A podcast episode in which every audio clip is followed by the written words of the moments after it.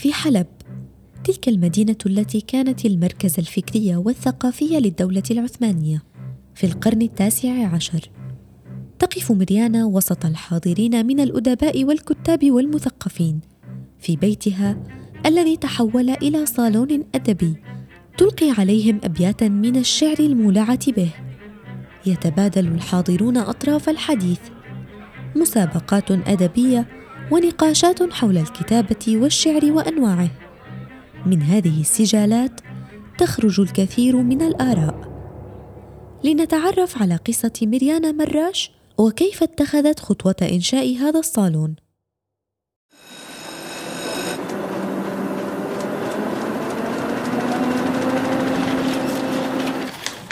عنب بلدي بودكاست.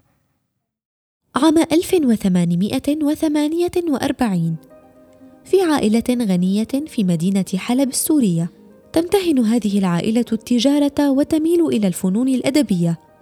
ولدت طفلة أطلقوا عليها اسم مريانا كبرت هذه الطفلة ضمن هذه الأسرة المثقفة التي تؤمن بحق الفتيات بالتعليم وأهميته. ارتسمت ملامح وعي مريانا بين كتب والدها. هو الذي كان مهووسا بانتقاء الكتب النفيسة والفريدة. وكانت أحلامه تدور حول تعليم أبنائه من الكتب التي يجمعها في مكتبته الضخمة.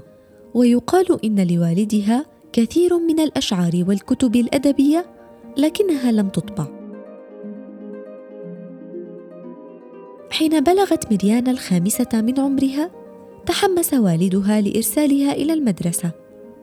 دخلت الصغيرة مدرسة المارونية وبعد عدة سنوات انتقلت لإتمام دراستها في بيروت. هناك كانت اللغة العربية من أولى اهتماماتها. درستها وأتقنتها بالإضافة إلى العلوم الأخرى. لكن كان للغة العربية وقع خاص في نفسها لأنها تعلمت مبادئها على يد أخيها فرانسيس. فرانسيس مراش أحد أشهر الأدباء في القرن التاسع عشر. ولا يمكننا إغفال فضل والدها الذي اعتنى بتعليمها علوم النحو والعروض وفنون الشعر بأشكاله. يمكننا القول إنها تشربت اللغة العربية خلال طفولتها ومن هنا تنطلق إلى عالمها المليء بالشعر وفنون الأدب ولم تقتصر ثقافتها على اللغة العربية. بل أتقنت اللغة الفرنسية أيضا كما تعلمت الإنجليزية في مدرستها في بيروت. وخلال إقامتها هناك لفت نظرها إلى جمال بعض الثقافات الغربية وانفتاحها.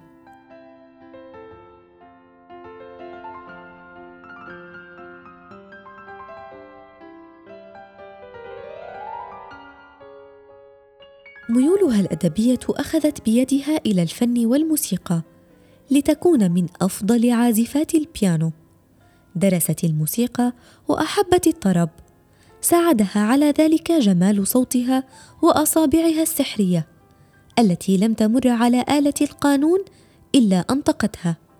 اختلافها عن الفتيات في حلب آنذاك جعلها مميزة. لم يكن قادرات على العمل أو تحصيل مستويات عالية من التعليم. تميزها لفت أنظار المعجبين إليها. كبرت يا ابنتي وصار الشباب يتوافدون إلى بيتنا بالعشرات طلبا للزواج منك. لا تقبل استضافة أحد. لماذا يا مريانا؟ لا أعتقد أنه الوقت المناسب. أرجوك لا تكرري طلبا كهذا. بل هذا هو الوقت المناسب. لست صغيرة.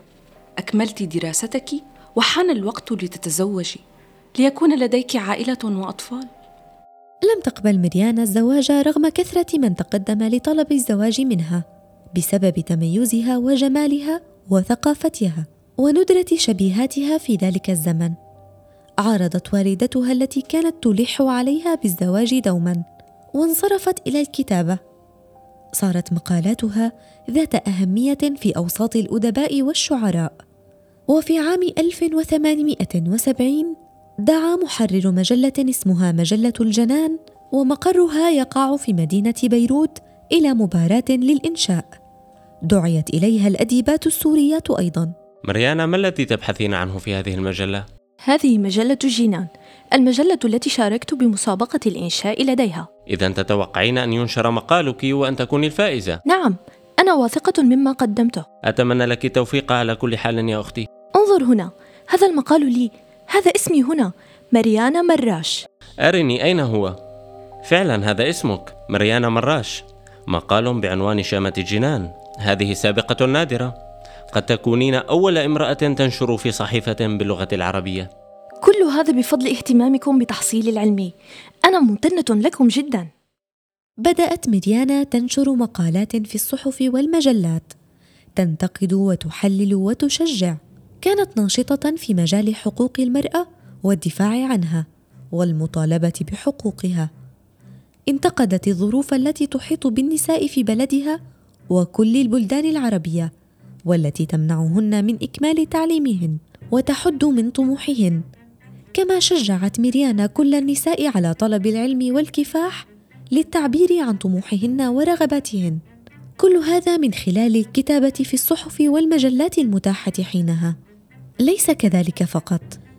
بل كتبت كتابا عن التاريخ السوري خلال فترة تواجد الدولة العثمانية في سوريا. وكان عنوانه تاريخ سوريا الحديث. يعتبر كتابها هذا الأول من نوعه في ذلك العصر.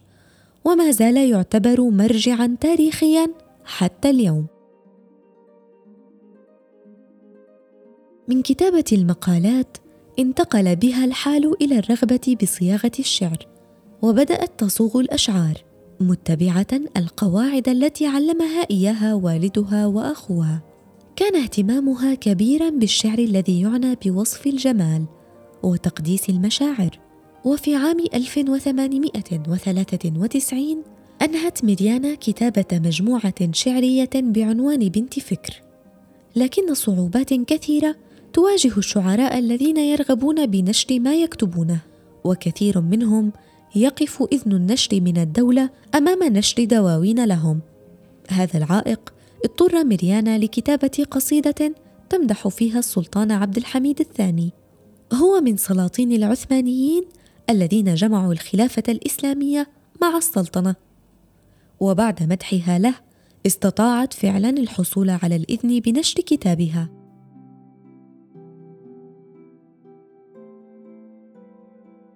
الصالون الأدبي هو مكان يستضيف فيه شخص مشهور ومعروف ضمن مجتمعه مجموعة من الناس. للتسلية تارة ولتهذيب الذوق العام بالأدب والفنون المتنوعة تارة أخرى ولتبادل الأفكار والحوارات. ترتبط هذه الصالونات بالحركات الفكرية الفرنسية في القرن السابع عشر والثامن عشر لكنه لم يصل إلى دول الشرق بهذا الشكل حتى القرن التاسع عشر. كانت ميريانا التي احتكت بالثقافات الغربية خلال دراستها مولعة بتلك الصالونات. فكانت أول من افتتح صالونا أدبيا في بيتها. ميريانا كانت جريئة ولا تخاف شيئا وتفعل كل شيء تعتقد أنه يعين على النهضة الفكرية للنساء في ذلك العصر.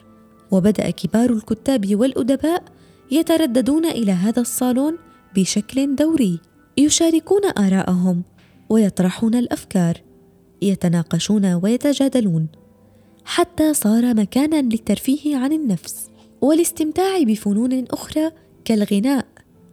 حيث كان المغني باسل حجازي المغني المعروف بصوته الرخيم في تلك الفترة يؤدي بعض القطع الغنائية والقدود الحلبية.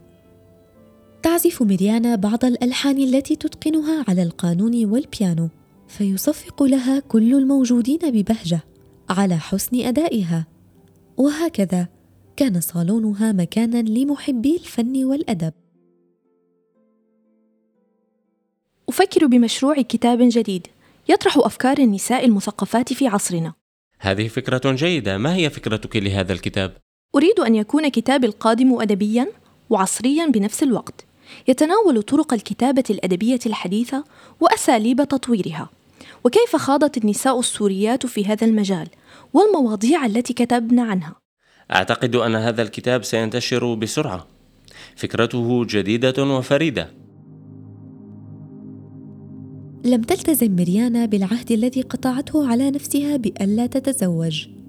وبعد وفاة والدتها تزوجت من شخص اسمه حبيب الغضبان وأنجبت منه طفلتان وصبي. روحي الفداء لأحبابي وإن نقضوا. ذاك الذمام وقد ظنوا الهوى عرضا. جاروا وما عدلوا في الحب إذ تركوا. عهد الوفي الذي للعهد ما نقضا. قف واستمع سيرة الصب الذي قتلوا. وكان يزعم أن الموت قد فرضا. أصابهم سهم لحظ لم يبال به. فمات في حبهم لم يبلغ الغرض هذه بعض الأبيات من شعر مريانا التي تمكن منها مرض عصبي فأنهى حياتها عام 1919 مريانا التي اجتمع كل من يعرفها على رأي واحد برقة مشاعرها وإحساسها المرهف الذي تركته لنا شعرا وأدبا وكتبا. يمكننا من خلال قراءتها التعرف على العصر الذي عايشته مريانا مراش الأديبة السورية. استمعتم إلى بودكاست نساء من عنب بلدي. أعددت هذه الحلقة وقدمتها. أنا سكين المهدي. نحن موجودون على Apple Podcast، Google Podcast و SoundCloud